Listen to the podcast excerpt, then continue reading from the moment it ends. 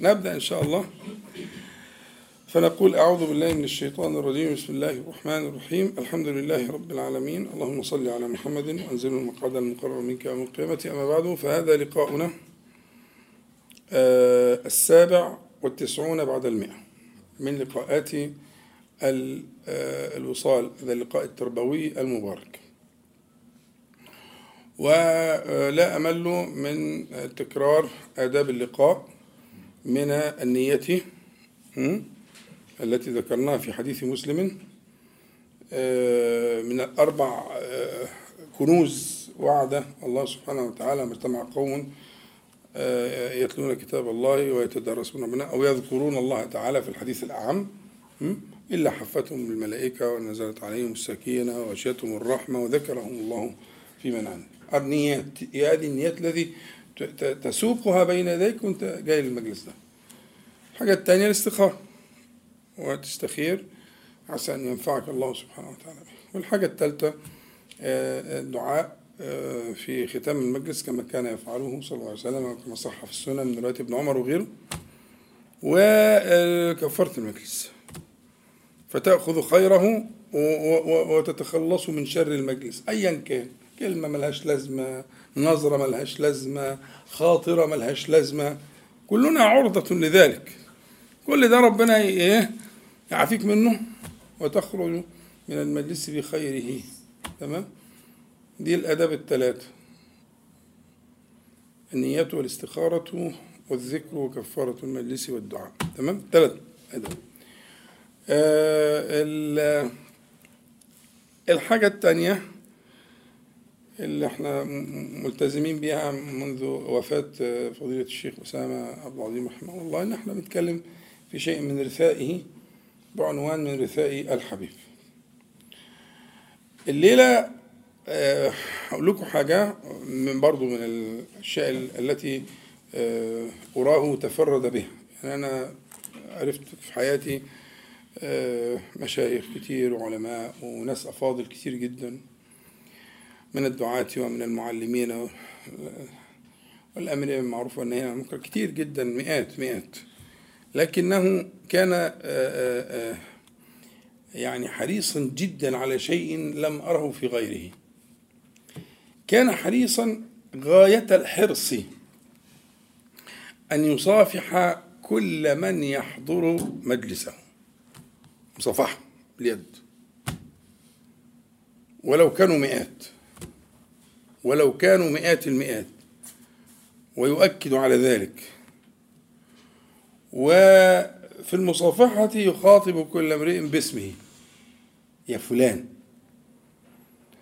المصافحة ممكن نعملها مجلس اللي هي فضل المصافحة و- وتحاتر الخطايا سقوط الخطايا يعني إلى آخره. مع إناس الشخص بذكره باسمه. ممكن يقولها نوع من ال- المداعبة كده. آه، ممكن يقولها بجد حسب الشخص وحسب رؤيته له لكن يصافحه و آه، وكان اللي يمشي من غير ما يصافحه كان يعتب عليه. ما شاء الله كانت ذاكرته قوية جدا رحمه الله جدا. فكان يقول أنت المرة اللي فاتت ما سلمتش. مرة مثلا بينها وبينها أسبوع. يقول له انت ما, سلمتش المرة اللي فاتت. فيبين له حرصه على إن هو حريص على أن يصافحه أن يمسك بيديه أن يذكره باسمه. حرص لم أره على كثرة ما رأيته. كان وأنا. يعني رأيت ذلك في السنة. النبي صلى الله عليه وسلم كان حريص على كده قلت لكم الحكاية دي قبل كده وفاكرين لما اتكلمنا في حديث أبي سعيد بن المعلى في فضائل سورة الفاتحة لأعلمنك أعظم سورة في القرآن وأخذ فما زال يمسك بيده حتى وصل إلى باب المسجد. وكان لا يخرج يده من يد أحد إلا أن يكون الآخر الذي يخرج حرص التماس ده والسلام والمصافحة دي قصة شرحناها كتير ممكن تدور عليها وترجع لها. فضائل بديعة. فكان كنت أراه يفعل ذلك يعني امتثالا لتلك السنة المباركة مع مسألة حفظ الأسماء. وأن يخاطب المرء باسمه. آه، أو قل بأحب الأسماء إليه. حتى لو كانت هزار حتى لو كان هو عارف إن هو ينبسط إن هو إيه آه، يقول عليه مثلا اسم مثلا كده فيه معنى كده فكان يناديه بهذا الاسم يعني. وقال لي غير مرة رحمه الله.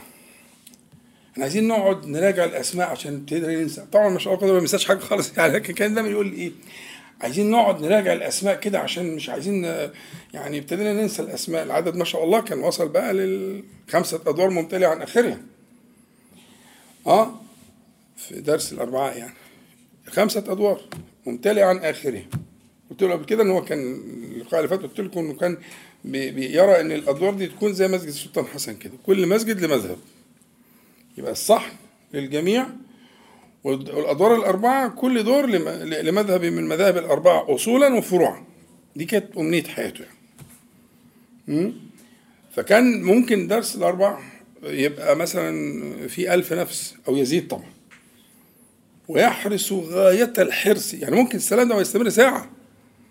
السلام على الناس. يستمر ساعة ساعة زمن ساعة بالساعة كده. وحريص جدا. على انه هو يصافح كل امرئ وإن هو يذكره باسمه ويسأله عن حاجة مهمة كان قالها له المرة اللي فاتت. ولا ارى ذلك إلا ببركة القرآن يعني إنه كان ذاكرته كانت عجيبة يعني عليه رحمة الله.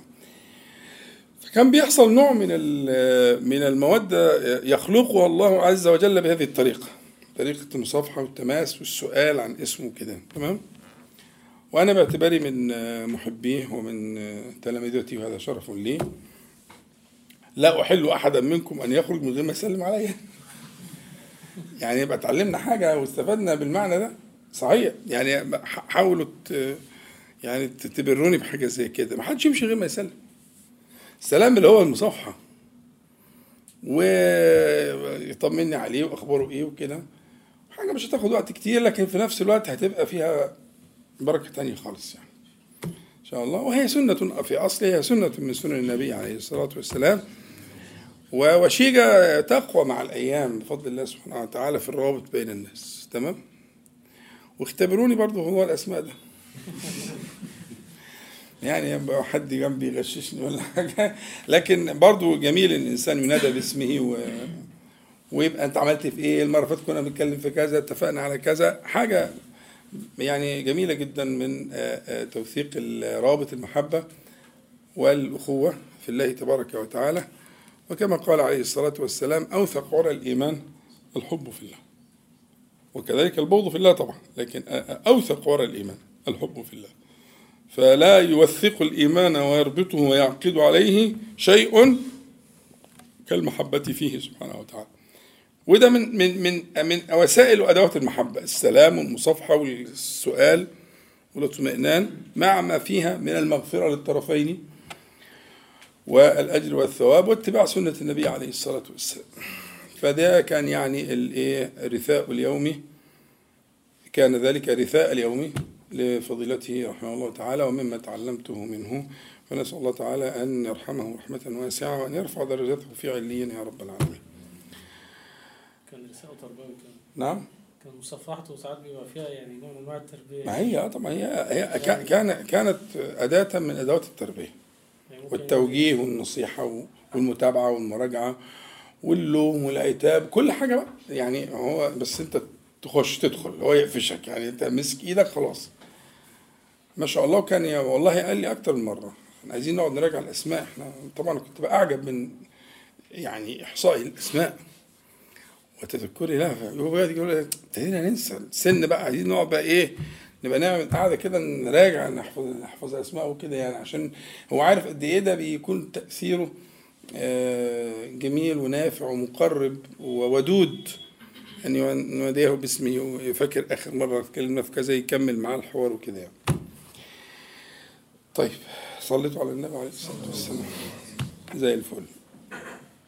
إحنا ال ال ال يعني ال ال المجالس القليلة السابقة اصطلحنا على حاجة ممكن نصطلح عليها إن شاء الله يعني تكون اصطلاح موفق يعني اللي هي عبودية الفرار إلى الله تعالى.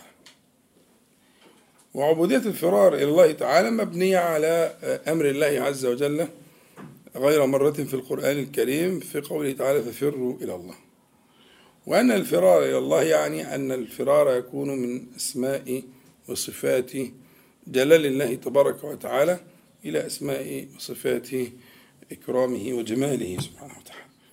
وأن ذلك يحتاج إلى التثوير على هذه العبودية بين الحين والآخر وأنا نصحتك أن يكون ذلك في قراءتك للقرآن الكريم. وأنك أنت في أثناء القراءة بتمر على أسماء وصفات الجلال وأسماء وصفات الجمال وفي أسماء بتبقى مترددة بين هذا وذاك. وضربت مثال في المجلس السابق بالفاتحة. مسكنا من أول كلمة لآخر كلمة في الفاتحة وحللنا أسماء الإيه الجلال وأسماء الجمال والإكرام في السورة كلها. قلت لك آه يعني دعوتك أن أن تصنع ذلك في المعوذات.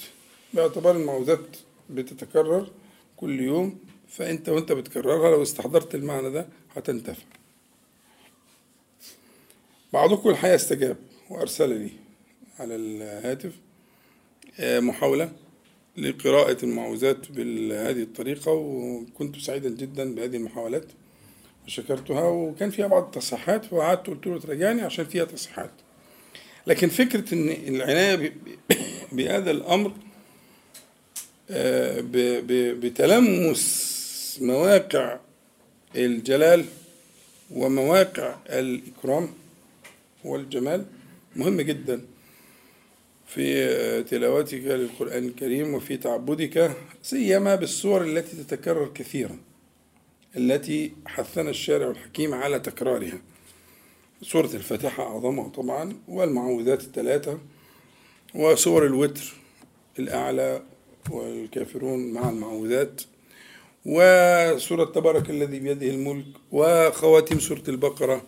في حاجات جاءت النصوص بالترغيب البالغ في تكرارها.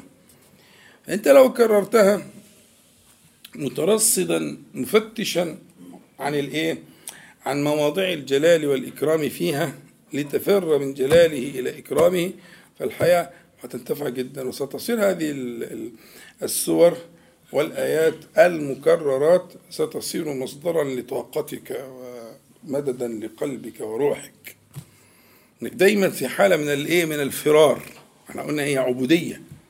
عبودية الفرار إلى الله تعالى. في حالة دائمة من الفرار إلى من الجلال إلى الإكرام. من الجلال إلى الجمال. ها؟ آه. فطبعا شيء موفق وجميل. جدا وقلنا إن التعبد بهذه العبودية عبودية الفرار يكون كذلك في هذه الحياة الدنيا ويكون بالاستشفاع بها في الآخرة. الاستشفاع ب آه، أسماء وصفات آه، الإكرام والجمال. وإحنا اتفقنا إن الآخرة ليست دار عمل صح؟ ليست دار عمل. لكن كيف يكون الاستشفاع في الآخرة وهي ليست من من دور العمل؟ كيف يكون؟ يكون ببركة ما كان في الدنيا. يعني اللي كان في الدنيا متعود على الصلاة على النبي عليه الصلاة والسلام وعلى ذكر الله تعالى وعلى الفرار من الجلال إلى الجمال. اللي تعود على كده سيكون ذلك ميسورا له في الآخرة. فإذا رأى من مقتضيات جلال الله تعالى والآخرة بقى فيها مقتضيات الجلال على أبهى صورة. وأقوى صورة وأشد صورة مقتضيات الجلال في الآخرة.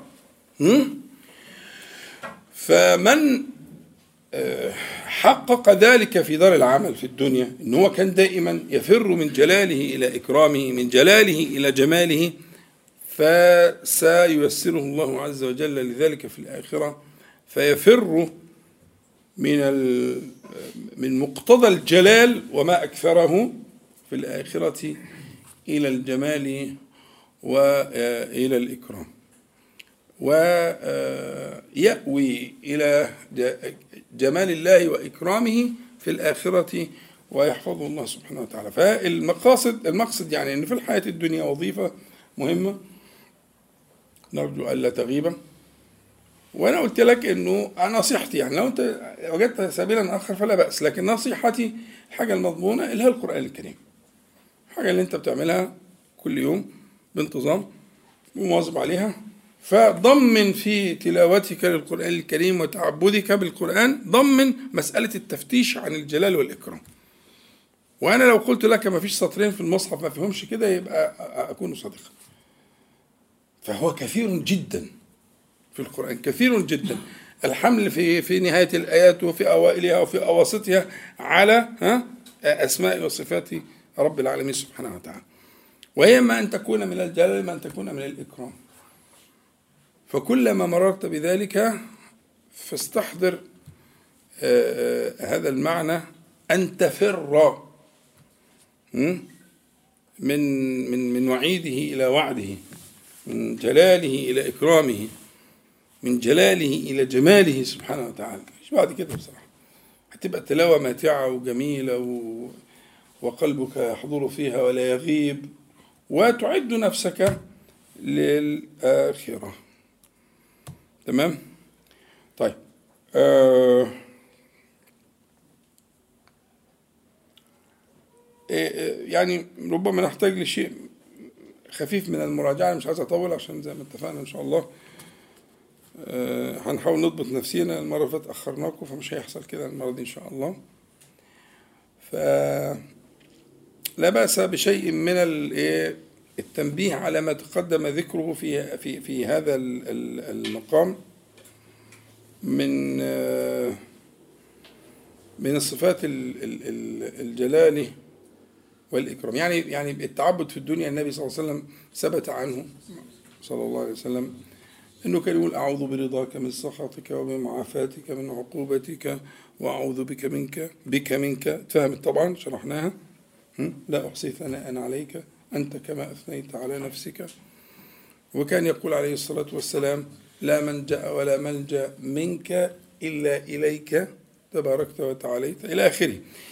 فهذه الأذكار التي تقال سواء في الراتبة الموظفة في الصباح والمساء تشهد فيها ذلك وتستحضر ذلك. وقلنا إنه مسألة المنع والعطاء أو القسمين دول في أسماء ذكرت قبل ذلك لكم أنها لا يشرع أن تذكر مفردة. في أسماء من أسماء الله تعالى لا يشرع أن تذكر مفردة. حد فاكر حاجة زي كده ولا؟ آه فاكرين؟ يعني قلنا مثلا آه، المعز المذل النافع الضار المعطي المانع القابض الباسط الرافع الخافض. ومحمد أضاف المقدم المقدم المؤخر ها؟ هذه الأسماء تذكر معا لا يذكر واحدها مفردا وإلا يختل الميزان. وده بيأيد نفس الفكرة إنك أنت لما تذكر الاثنين مع بعض العطاء والمنع مثلا المعطي والمانع. بس أضفنا حاجة مفيدة اللي هي إيه؟ اللي هي إنه ممكن يكون الفقه الفقه في العطاء آه، يكون الفقه في المنع. لا إذا وفقت إلى الفقه في المنع يكون آه، يصير عينا للعطاء. لأنه ممكن يمنعك عن حاجة أنت يعني راغب فيها وتشتهيها ونفسك فيها وهي مشروعة مش حاجة حرام يعني. ولكن في منعه يعني أودع في باطن منعه عطاء. أودع في ما في في في في في, في باطن المنع ها؟ عطاء. قلت لك أنا العبارة الجميلة اللي هي ربما أعطاك فمنعك. وربما منعك فأعطاك. ومتى فتح لك باب الفهم في المنع صار عين العطاء. وشرحنا قبل كده. يعني ربما يكون في المنع في المنع عطاء. هو ظاهره منع لكنه عطاء. وقلت لك اذكر آه، آه، آه، ست مواضع في القرآن الكريم. وعسى وعسى فعسى وأما فأما وأما. فاكرينهم؟ مش فاكرينهم. أنا فاكر الثلاثه التانيين. طيب الأولانية وعسى وعسى فعسى. وعسى أن تكرهوا شيئا. اللي هي أولها آية الآية كتب عليكم القتال وهو كره لكم. مفيش خلاف. مش حد بيحب القتال. إلا النادر والنادر لا حكم له.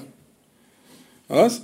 مش حد يحب كتب عليكم القتال وهو كره لكم. ها وعسى أن تكرهوا شيئا. ها وهو خير لكم. وعسى أن تحبوا شيئا وهو شر لكم. يبقى هنا جعل في في في في في باطن واستودع سبحانه وتعالى في باطن المكروه إيه؟ خيرا وخيرا كثيرا. فلما أنت سلمت للشرع ربما يبلغك آه هذا الفهم يعني. طبعا فعسى اللي بالفاء بقى الثالثه. آه وعاشروهن بالمعروف. ده الأصل. فإن كرهتموهن فطلقوهن. ما قالش كده. جل جلاله أعلم بنا من أنفسنا يا وعاشروهن بالمعروف. فإن كرهتموهن ها؟ فا فا عسى أن تكرهوا شيئا ويجعل الله فيه خيرا قليلا. أنا مش حافظ. ويجعل الله فيه خيرا. منكرة كده. لا. لم يتركها لعقلك. فعسى أن تكرهوا شيئا. تكرهه. ما قالكش حب. ما قالكش غير مشاعرك. قال لك افهم دي. متى فتح لك بابا. من الفهم في المنع صار المنع عين العطاء. بس انت سلم. فإن كرهتموهن فعسى أن تكرهوا شيئا ويجعل الله فيه خيرا كثيرا. فالثلاث آيات دول يردوك. اللي عسى أو عسى وعسى فعسى. الثلاث آيات التانيين اللي هما في قصة مين؟ موسى والخضر عليه السلام. موسى عليه السلام والخضر. لما قال له خلاص انتهى. العذر. أما السفينة فكانت لمساكين وأما الغلام وأما الجدار. الثلاث أشياء دي ظاهرها منع وقبض وألم و ممكن ذل كمان وحاجات كده. ألم شديد طبعا. فإذا هي ده ظاهرها. لكن هذه الظواهر المؤلمة طلعت إيه؟ أما وأما وأما. أما السفينة فكانت لمساكين. يعني يعملون في البحر. وممكن تلاقي الصورة دي متكررة في الحياة الدنيا. عشان ربنا راضي عنهم فمنعهم. يعني قطع عيشهم. وقطع العيش ده في الحقيقة هو عبارة عن إيه؟ كان نجاة. يأخذ كل سفينة غصبة. يعني سفينة صالحة. زي ما قلت لك قبل كده مثال الميكروباص. كان الميكروباص كله هيروح. لكن يعني اليوم راح اليومين راحت بشوية الكاوتش اللي اتعمل والعيل اللي خرب الكاوتش وبتاع فراح إيه الأربع كاوتشات نايمة الصبح فراحت اليومين بس هي في الحقيقة كان فيه ها غاصب يأخذ كل سفينة غصبا فربنا أبقى له وأما الغلام شديدة برضه. لكن ببركة الأبوين المؤمنين إلى آخره. تمام؟ فالشاهد يعني أنه أن ترد نفسك لهذه الأسرار التي يودعها الله عز وجل في أقداره. فتش عنها ورد نفسك دائما من قبضه إلى بسطه من منعه إلى عطائه من ضره إلى نفعه. ما يفعل الله بعذابكم؟ يعني ربنا سبحانه وتعالى لا يحب ذلك لعباده. إنما إن كان شيء من ذلك فإنما هو يكون ليوصلهم إلى الرتب العليه الحديث الصحيح لما قلت لك قبل كده إن الله عز وجل لا يحمي عبده المؤمن الدنيا كما تحمون مريضكم الطعام والشراب. بس في كلمة مهمة جدا سقطة في الحديث. أنا ما تعمدت أسقطها حد فاكرها؟ الله يفتح عليك. تغير معنى الحديث خالص. إن الله عز وجل لا يحمي عبده المؤمن الدنيا خلي بالك في جملة حال هنا وهو يحبه. يعني هي ظاهرها قبض ظاهرها منع ظاهرها شوية ذل على خفيف كده يسلط عليك واحد من السفهاء؟ ما هو جاي من عند ربنا. هي ظاهرها كده بس خلي بالك جملة الحال دي في منتهى الأهمية لأن الواو دي واو حال. وهو يحبه. لا يحمي عبده المؤمن الدنيا وهو يحبه. يبقى هنا جملة الحال دي بقت لنا كما بس بقى التمثيل اللي جاي كده عشان يقرب الفكرة. كما تحمون مريضكم الطعام والشراب. وانتوا بتحبوا برضه. فانتوا ممكن تحموا الطعام والشراب. لماذا؟ جملة الحال بقى تخافون عليه. دي جملة حال برضه. يبقى إن الله عز وجل لا يحمي عبده المؤمن الدنيا وهو يحبه كما تحمون أنتم مريضكم الطعام والشراب. أهي صورة قصاد صورة اهي ها؟ تخافون عليه. ليه أنت تقفش؟ لما ضيق عليك شوية قفشت ليه؟ ما تفكر كويس. ربما أودع في هذا التضييق ها؟ بسطا لا تعلمه أنت. ربما أودع في هذا المنع عطاء لا يدركه عقلك. أحسن ظنك بربك تنجو وترتقي وتفوز. مش أول ما تتمس مسة تقعد تعيط وتصوت زي العيال الصغيرة. أنت أنت راجل مؤمن اقعد فتش في هذا المنع. لعلك أن تبلغ درجة الفهم في المنع فيصير المنع. يا محمد إيه؟ عين العطاء. عين العطاء. نفسك في كذا لعيالك نفسك في كذا مش عارف ليه ومش جايب مين قال لك إن هو المصلحة في كده؟ طالما عملت اللي عليك خلاص سلم. سلم وقد أودع لك شيئا لا يدركه عقلك. لكن ربما يبلغك سبحانه وتعالى ذلك إذا أحسنت. فيصير هذا المنع عينا في العطاء. وضربنا أمثلة كتير. يعني مثلا الحبس في الحديبية أغلب الصحابة ما أدركوش الفقه فيه صح؟ يعني ما حدش كان موافق على مسألة الإيه؟ الاتفاقية بتاع الصلح. كانت مذلة جدا. وإحنا ليه نرضى بالهوان وسيوفنا معانا ونخلص الدنيا؟ وهي خبطة وخلاص ومكة يعني ده الحديبية دي بينها وبين مكة بالعربية 15 دقيقة. يعني انت الحديبية قريبة جدا. ها؟ آه يعني قريبة خالص. يعني بينها وبين الكعبة المشرفة 15 دقيقة بالعربية. يعني هم خلاص ريحة الكعبة في في في قلوبهم وأنوفهم. يمنعونا ليه؟ ها؟ فاهمين الفكرة؟ لكن هي الحقيقة أن صار هذا المنع. شوف بقى تسمية ربنا له إيه؟ حاجة غريبة جدا. سماه إيه؟ فتحا مبينا. إنا فتحنا لك فتحا مبينا. ده صلح الحديبية مش فتح مكة. ما سماش فتح مكة فتحا مبينا. إيه رأيك في القرآن؟ يعني فتح مكة اللي هو ب 10000 مقاتل ومش عارف إيه ما تسماش فتح مبين. أمال الفتح المبين ده كان إيه؟ ده صلح الحديبيه اللي رجعوا ها؟ محبوسين عن الحرم المسجد الحرام. فاهم الفكرة؟ وكتير من الصحابة لم يفقه ذلك. لكن بعد كده علمهم الله عز وجل وعلمهم النبي صلى الله عليه وسلم. وانت المفروض تتعلم الحاجة دي. حاجة نفسك فيها وحاجة شرعية وخلاص وكذا وكذا.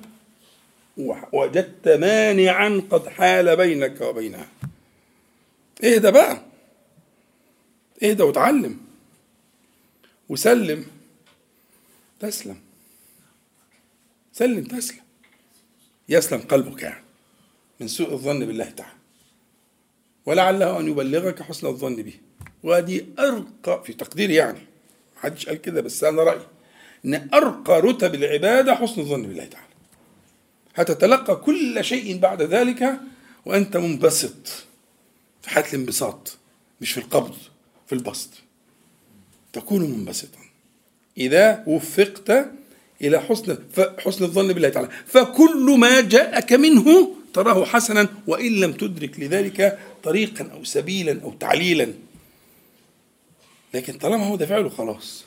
عملت اللي عليا وما فيش نصيب خلاص. ده هو ده النصيب بس أنت مش واخد بالك. ده ده عين النصيب. هم؟ وما تنساش الآيات اللي قلناها. عسى وعسى فعسى. مهمين جدا.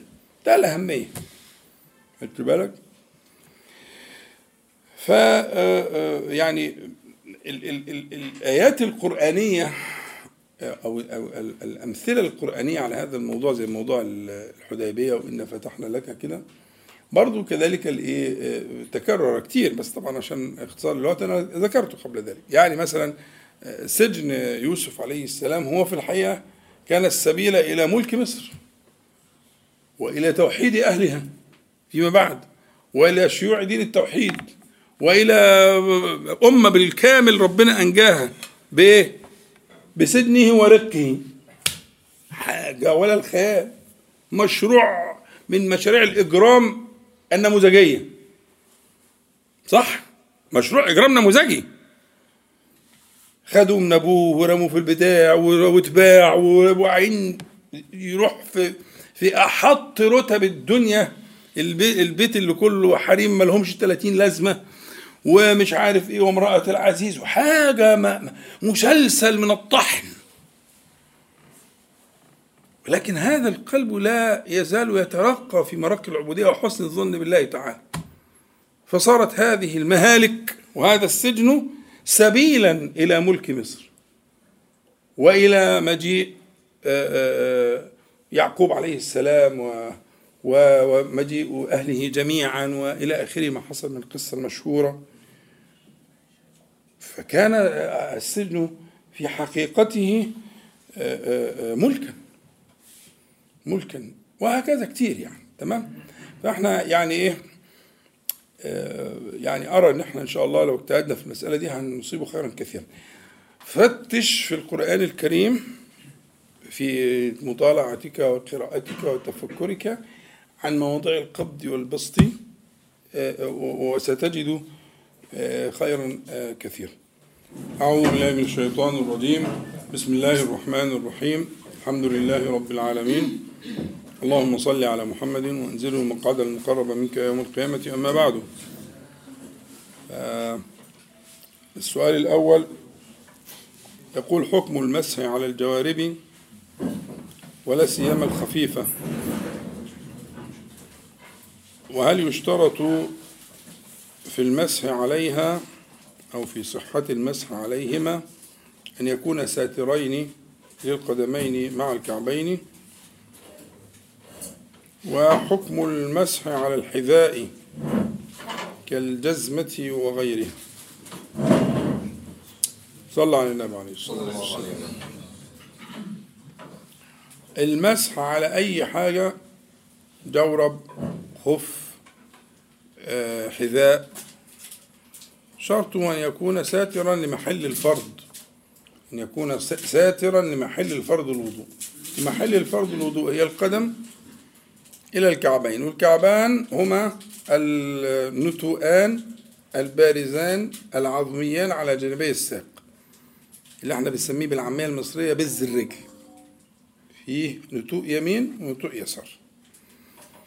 فمن من هذين النتوءين إلى أطراف الأصابع ده محل الفرض. محل الفرض. يبقى أول شرط لأي شيء تمسحه عليه. بغض النظر عن صفة الشيء ده هنتكلم فيه لكن الأول أن يكون هذا الشيء ساترا لمحل الفرض. ومحل الفرض القدم كامل إلى الكعبين. طبعا اللي إحنا العامية المصرية الكعب هو في الفصيح اسمه العقب. اللي إحنا بنسميه الإيه؟ الكعب بالعامية. لا لكل ساق كعبان. يبقى سيادتك عندك كم كعب؟ أربعة. كعبان في اليمين وكعبان في الإيه؟ في اليسار.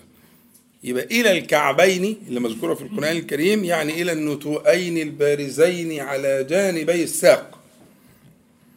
فأي حاجة هتمسح عليها مبدئيا ينبغي أن تكون ساترة لإيه؟ قولوا بقى معايا؟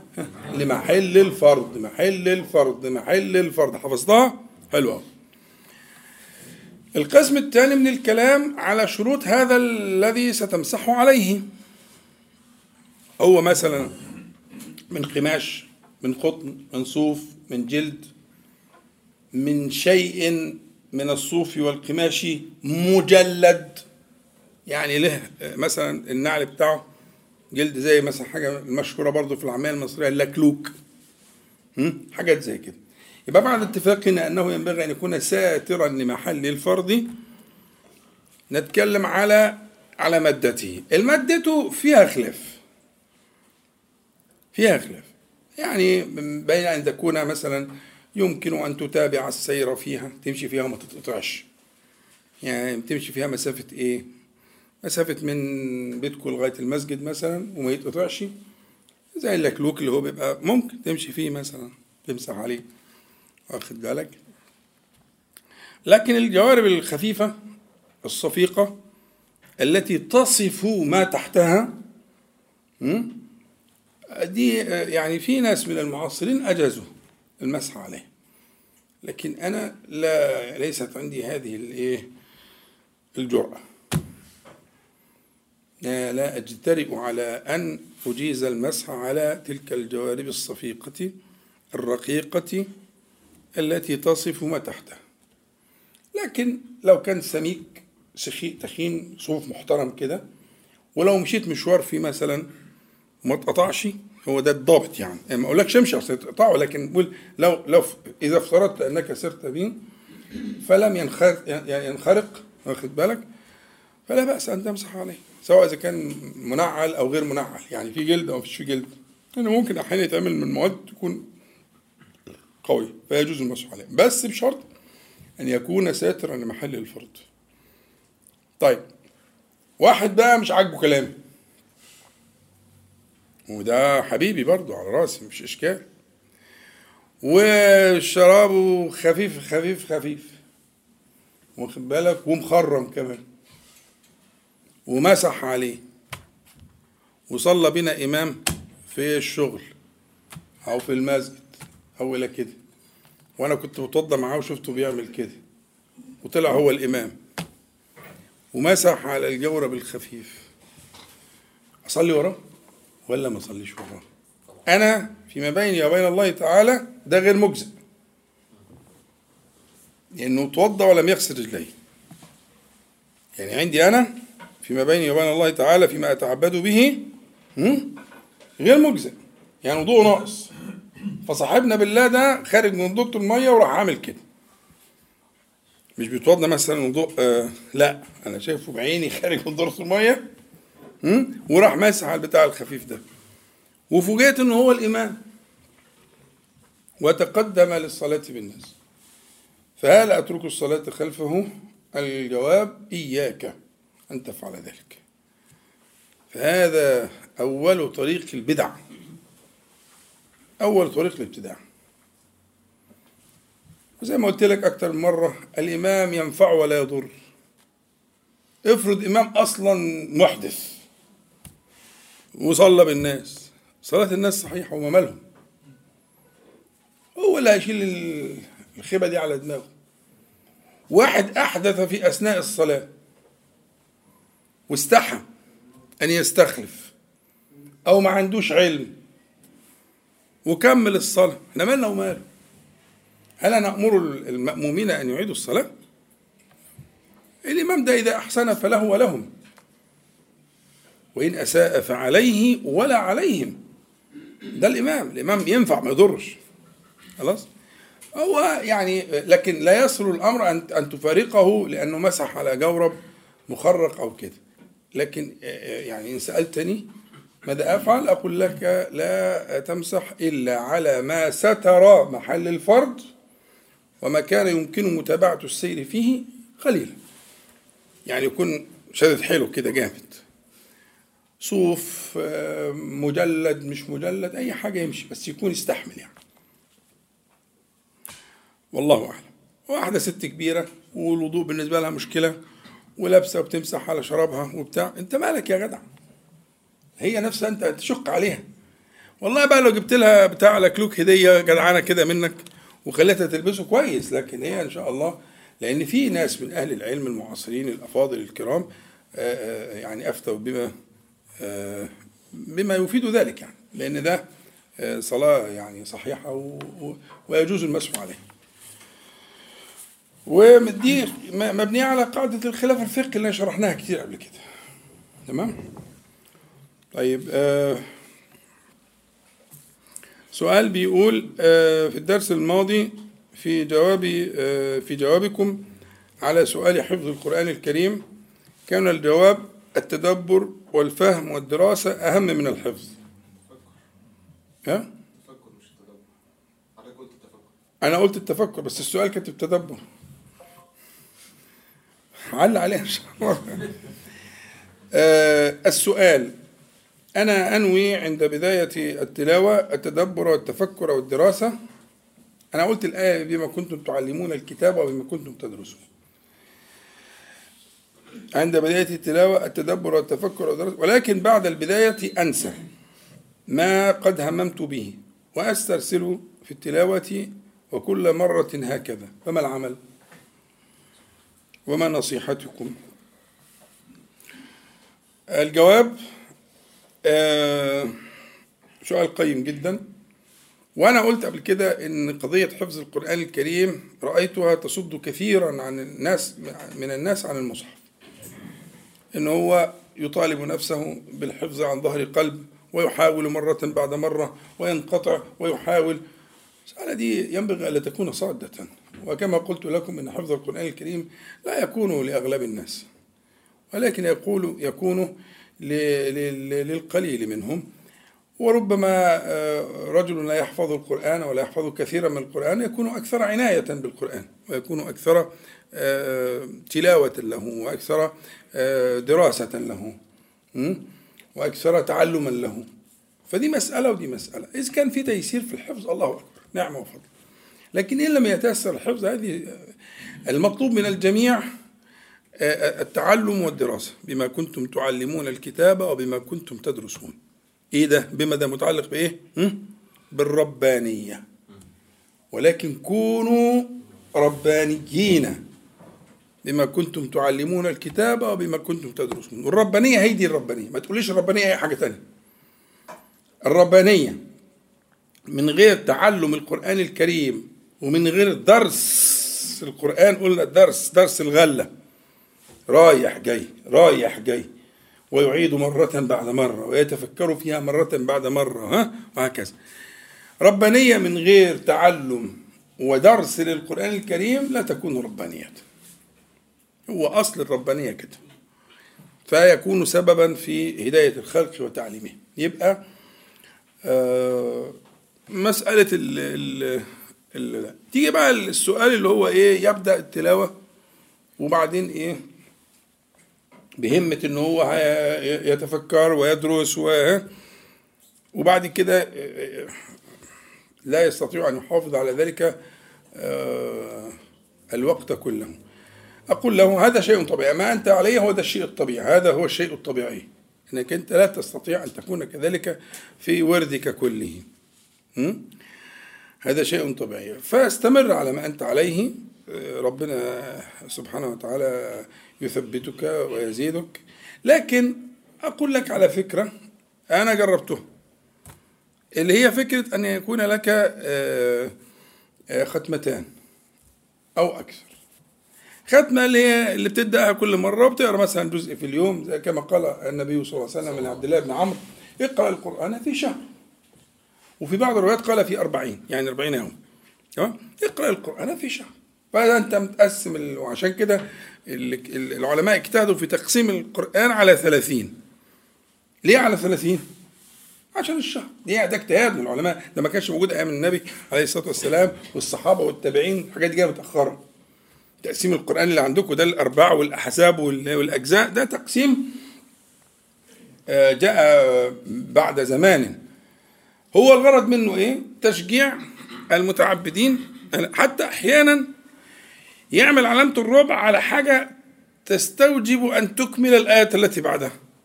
أحيانا في بعض المواضع. ليه؟ عشان يحمسك إنك أنت ما تقفش عند الربع ده وتخش في اللي بعديه. يعني حتى تقسيمات الأرباع مقصود منها التنشيط. هيهات هيهات هتلاقي عندها علامة الربع. ما هي مش هتكمل إذا قلت اللي بعديها. خدت بالك من الفكرة؟ فهو هكذا يعني إيه؟ ال- الموضوع ما يعني غرضه التنشيط. ف آه، انت أنت سيرة في هذه ال- ال- التلاوة إنك تقرأ القرآن أن تقرأ القرآن في شهر فده كويس. إذا وجدت عندك همة إنك تجعل فيه ختمة أخرى. تاخد لها مثلا ثلاث شهور أربع شهور خمس شهور سنة زي ما إحنا عاملين. وندعوكم جميعا للانضمام إلى هذه الختمة على الصفحة وتراجعوا أخوانكم. باشمهندس محمد والدكتور والجماعة إنكم تنتموا معانا لهذا الجمع. إحنا عاملين ختمة من رمضان لرمضان مقسمين القرآن كل مرة عدد يسير جدا في الأسبوع من الآيات. فأنت بتبقى معانا بتلزم مثلا ب 15 آية 20 آية أقل في الأسبوع. واخد بالك؟ ده انك بقى رايح فيه جاي فيهم. هذه ختمتك. انت مش هت مش مش تطالب أكتر من كده. في الأسبوع بعدد قليل من الآيات على أساس تبقى عندك فيها أسئلة تستفيد بمناقشات الإخوة والأسئلة فيها وكده. فختمة الدهر آه، آه، دعوة مباركة. والحمد لله نجحت بفضل الله سبحانه وتعالى. بدأناها من رمضان اللي فات. عبد العزيز عايز يخليها ختمة الظهرين الدهرين. وما فاتكش كتير. يعني إحنا دلوقتي في في التوبة. يعني ممكن هتلحق. فاتك 10 أجزاء بس. ها؟ فممكن تلحق إن إن آه، يعني التحقت بهذا الركب المبارك. ف... أو تعملها لحالك أو تعملها مع بعض إخوانك. مفيش مشكلة. إن يبقى في ختمة آه، آه، لا تحد بإيه؟ ب- بشهر أو نحوه. دي بقى يبقى فيها الم- المبحث اللي بنتكلم فيه. إنك تبحث في ال... بس يستحسن يكون معك حد عشان ما تتوهش. يعني تكونوا مجموعة. حبيت تشرفنا فيما صنعناه إحنا أنا أسعد الناس بيكم جميعا. وبيبقى فيها مناقشات وعصف ذهني وأنا ببقى موجود معاهم بنقعد لنا ساعة ولا ساعتين مرة في الأسبوع. بنناقش كل الكلام اللي طلع وبنختار بعض المواضيع نحب إيه نثوره عليها إلى آخره. مجلس كله بركه يعني.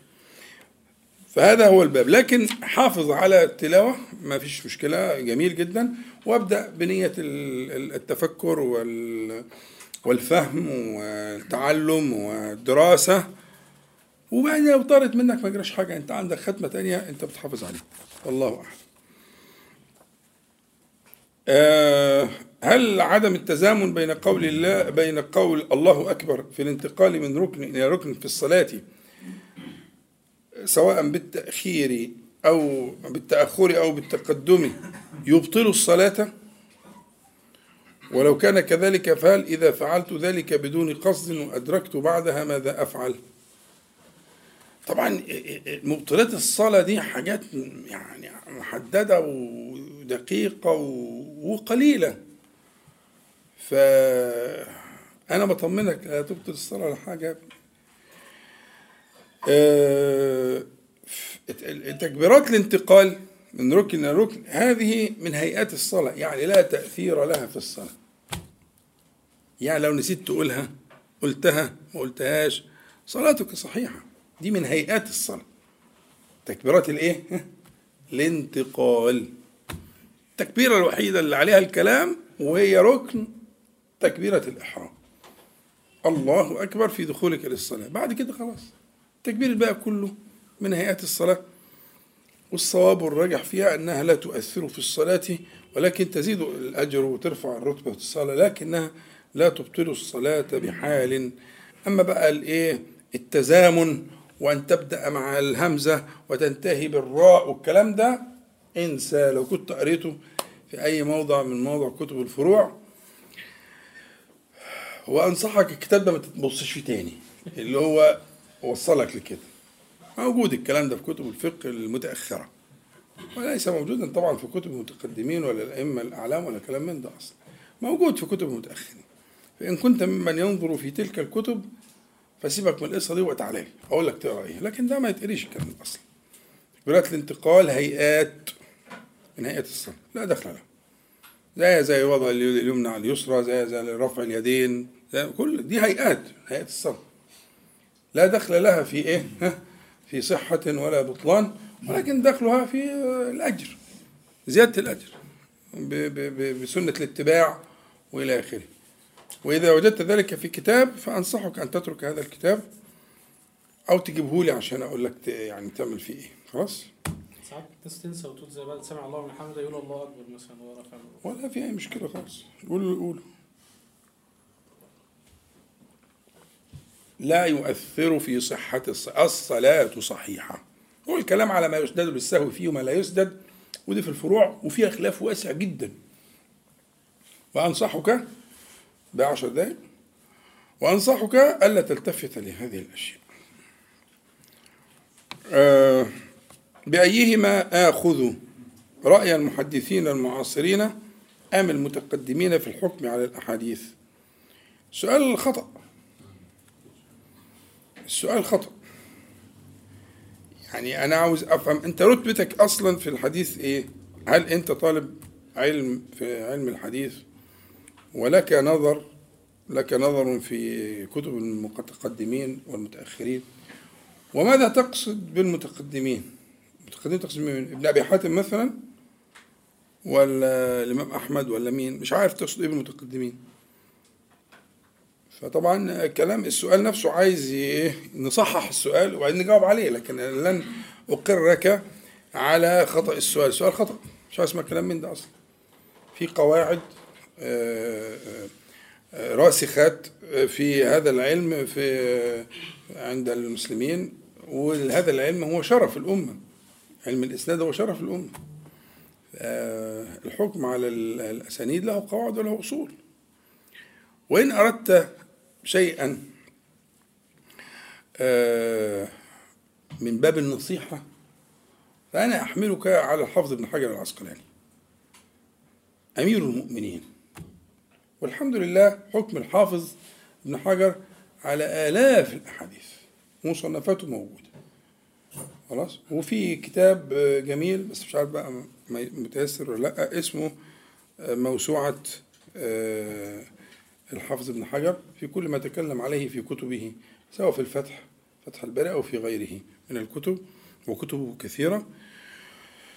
والحافظ يعني يعني هو درة التاج في هذا العلم في علم الإسلام فلو أنت عايز تدور وتبحث وتطمئن انظر ماذا قال الحافظ ابن حجر في لكن بقية العلم وطرائقه ورتبة العلماء فيه كتير ما لا يسع هذا المقام لا يناسب هذا المقام.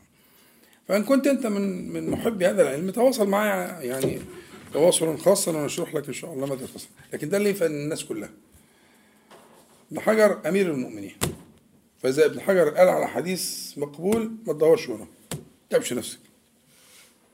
وإذا رده فكذلك. بس الثانية دي أخف شوية لأن ممكن ممكن لكن الأولى قولا واحدا. إذا قبله الحافظ ابن حجر فإياك أن إيه آه، تبحث في غير ذلك. هل السعي منوط بحدوث الرزق؟ وما هو فائدة السعي وأن الرزق مقدر مكتوب. ما هو السعي ده مقدر برضه. وانت بالك هتسعى من غير أن يقدر لك أن تسعى؟ تبقى مسكين. هي ال- ال- الآفة في السؤال إن أنت متصور إن السعي ده خارج عن القدر وإن الدعاء ده خارج عن القدر. لا. ده رفع اليدين دول مقدر. القعدة اللي إحنا قاعدينها دي مقدرة. ما دخل قلبك الآن من الإيمان مقدر. كل ده مكتوب ومقدر. فسعيك من القدر ودعاؤك من القدر ودفع البلاء بالدعاء من القدر. يعني يقدر البلاء فيصعد الدعاء فيعتلجان إلى يوم القيامة كما صح في الحديث. وذلك من القدر. طب ليه كده؟ عشان كرامة ليك. أن يجعل الدافع المعالج للقدر هو عبوديتك ودعاؤك فالسعي وال- والدعاء وكل هذه الأشياء إنما هي من قدر الله تعالى هو الذي قدرها ليدفع بها شيئا. فينزل قدرا ويقدر عبودية ها? تدفع الإيه؟ القدر. وتدافعه إلى يوم القيامة. فإذا استقامت المسألة في ذهنك بالكلمتين دول يبقى بها ونعمت. وإن لم تستقم فتجيني ضروري. يعني يبقى في نجوى بقى بيني وبين حضرتك عشان دي مسألة من مسائل الإيه؟ اللي يكون فيها مداخل للشيطان? لكن لو اقتنعت بالكلمتين دول اربط على كده. إن كل ما تجده من ال- الجهاد والأمر والنهي عن المنكر والدعاء والعمل الصالح ودعاء الوالدين كل هذه الأشياء هي من الأقدار التي تدافع أقدارا أخرى. بقدره سبحانه وتعالى مكتوب إنك أنت في في اللحظة الفلانية والوقت الفلاني ترفع يديك بالدعاء وتسأل ربك كده مكتوب مقدر كما هو المقدر في النازل. اقتنعت بكده وسكنت بها ونعمت إن وجدت في نفسك شيئا بعد ذلك فده عايز يبقى علاج خاص بقى. اللي أنا قلته دلوقتي ده العلاج العام اللي يصلح للناس جميعا. فمن وجد في نفسه شيئا فيما يتعلق بالقدر بعد ذلك حقه طبعا. بس يبقى على الخاص يعني. يجيني ويقعد معايا ونتكلم إن شاء الله. صلوا على النبي عليه الصلاة والسلام. هل الأرزاق تتأثر بالذنوب والمعاصي؟ بمعنى أن يحرم المرء من رزق معين بالذنوب. ده أصل الحديث؟ فاه طبعا لا شك أن المرء آه، يحرم الرزق بالذنب يصيبه. معروفة بس برضو انها هنرجع نفس القاعدة اللي قلتها من دقيقتين. هي إيه؟ أنه من قدر الله تعالى كان الرزق نازل ويقدر إنه يعمل. ده العكس بقى؟ يقدر يعمل عملة سودة بلوة مسيحة ها؟ تروح مدافعة الرزق ده موقفاه بشؤم المعصية بشؤم الغفلة عكس الصورة اللي فاتت. لكن كله مقدر مكتوب النفس مكتوب. كتب ذلك ليس بقهره سبحانه وتعالى ولكن كتب ذلك ها؟ حديث عجل أيوه. كتب ذلك بعلمه سبحانه وتعالى. فعلمه لا لا يحده لا زمان ولا مكان ولا أعيان ولا يحزنون. علمه محيط قد أحاط بكل شيء رحمة وعلما. فكتب ذلك بعلمه. أن يمن عليك أو على الأبعد يعني بنعمة فيقع في معصية تعوق نزول النعمة تقف في طريقها. عشان يتلسع اللسعة دي ويعرف إنه حرم. ها؟ حرم الرزق بالذنب قد أصابه ويجي الحديث يعلمه يقوم أستغفر الله. بس تفك بقى يروح الرزق نازل. تاب تاب الله عليه. واخدين بالكم؟ آه. فذلك يكون بإيه؟ بعلم الله تعالى. مكتوب بعلم الله تعالى.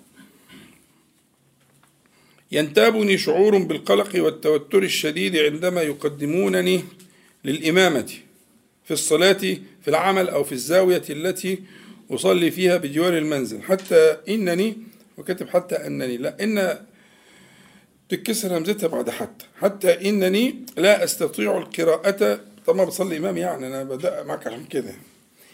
لا أستطيع القراءة بسبب سرعة دقات قلبي. وأصبحت أتهرب من الإمامة في العمل. عن طريق أني أذهب إلى المصلى متاخرا فيتقدم من لا يتقن التلاوة والإمامة. فبما تنصحني حتى أتخلص من هذا الخوف الشديد. نعم سؤال حلو. في العمل بيصلوا المغرب وعشاء وفجر؟ نعم. شركه ده لا لا هو محمد محمد نمطي طب ما ممكن العمل ده يكون محل يعني محمد نمطي وعايز عمل يعني إيه في شركة كذا في مش عارف إيه ما ممكن العمل ده يكون بيكون محل فاتح محل وجنبه ناس وبيقدموه في المصلى بيصلي فيه بس هو راجل سني وراجل محترم وكده وكده يعني جميل يعني. اولا أنا أطمنك أنت زي الفل. بداية يعني. تقلقش على روحك. وهذا الذي ينتابك شيء طبيعي? أنا أذكر أول مرة قدمني الشيخ أسامة رحمه الله عشان أصلي بيه والله كنت خايف أخطأ في الفاتحة. في الفاتحة. يعني طبعا كانت مفاجأة هو ما قاليش. هو فجأة والمسجد طبعا خمسة أدوار ودنيا عالم تاني خالص. فاحيانا كان بعد صلاة القيام بيبقى تعبان يعني مجهد. فيجي في الفجر يروح منشن على حد وإيه مقدمه يصلي ال- الفجر. فأنا فوجئت إن بعد ما وقفنا قد قامت الصلاة راح جاي كده وراه من غير ما ينطق راح زعقني كده.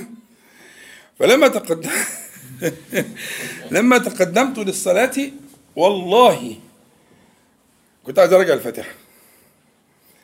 لأن مش عارف بس طبعا الحمد لله ربنا جبرها يعني بس إيه شعور طبيعي. ما فيش تقلقش يعني؟ إيه المشكلة إنك أنت لم تسعى في علاج تلك المشكلة؟ في طريق لعلاج ذلك يعني.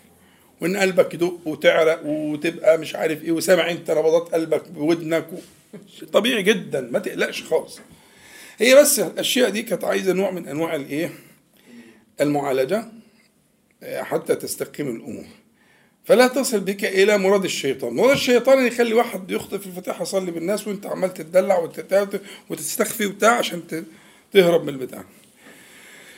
فأنت محتاج ده يعني عايزه نوع من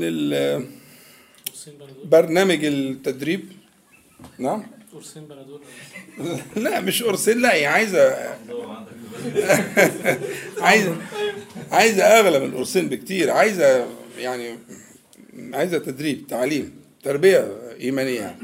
يعني فتتواصل معي إن شاء الله أمر قريب وهنبتدي ندرب نفسينا شيئا فشيئا بحيث لكن أنا اطمئنك هذا شيء طبيعي ولا شيء فيه. إيه، قد يكون يعني زائدا بعض الشيء عن الحد طالما أنت الناس متعود عليهم وشايفهم وكده لكن يعاني من ذلك كثير جدا من الناس. فلا بد أن تسارع بال بالعلاج حتى لا تقع في هذا الذي وصفت إنك تتأخر وتتعلل في الحمام والبتاع عشان إيه؟ حد يصلي وهو كما وصفت لا يحسن التلاوة والإمامة. فتأثم أنت تأثم بأنك أنت تخلفت عن الموضع الذي أراد الله لك آه، وتأخذ ثواب الناس لأن الإمام إذا أحسن فله أجر آه، كل من صلى خلفه. فهي بصراحة يعني فرصة جميلة أنك أنت تستكثر من ثواب الله تعالى. فأنت تتواصل إن شاء الله معايا وتواصل خاص ونبتدي أقول لك هتعمل إيه بالتدريب شيئا فشيئا مرة في مرة كده إن شاء الله لغاية ما تبلغ الإيه؟ المراد. انتهت الأسئلة. مش كده؟ طيب. نسأل الله العلي القدير أن ينفعنا جميعا بما قلنا ما سمعنا. وأن يجعله حجة لنا لا علينا يا رب العالمين ونعيذنا وإياكم وسائر إخواننا من المسلمين والمسلمات من شرور أنفسنا ومن سيئات أعمالنا ومن فتنة القول والعمل. بسم الله الرحمن الرحيم. اللهم اقسم لنا من خشيتك ما تحول به بيننا وبين معاصيك ومن طاعتك ما تبلغنا به جنتك ومن اليقين ما تهون به علينا مصائب الدنيا. اللهم متعنا بأسماعنا أبصارنا وقوتنا ما أحييتنا واجعله الوارث منا واجعل ثأرنا على من ظلمنا وانصرنا على من عادانا. ولا تجعل مصيبتنا في ديننا ولا تجعل الدنيا أكبر همنا ولا مبلغ علمنا. ولا تسلط علينا من لا يرحمنا. اللهم ربنا آتنا في الدنيا حسنة وفي الآخرة حسنة وقنا عذاب النار. اللهم صل على محمد وأنزله المقعد المقرب منك يوم القيامة. الحمد لله رب العالمين. نقول جميعا سبحانك اللهم ربنا وبحمدك. أشهد أن لا إله إلا أنت. أستغفرك وأتوب إليك. السلام عليكم ورحمة الله.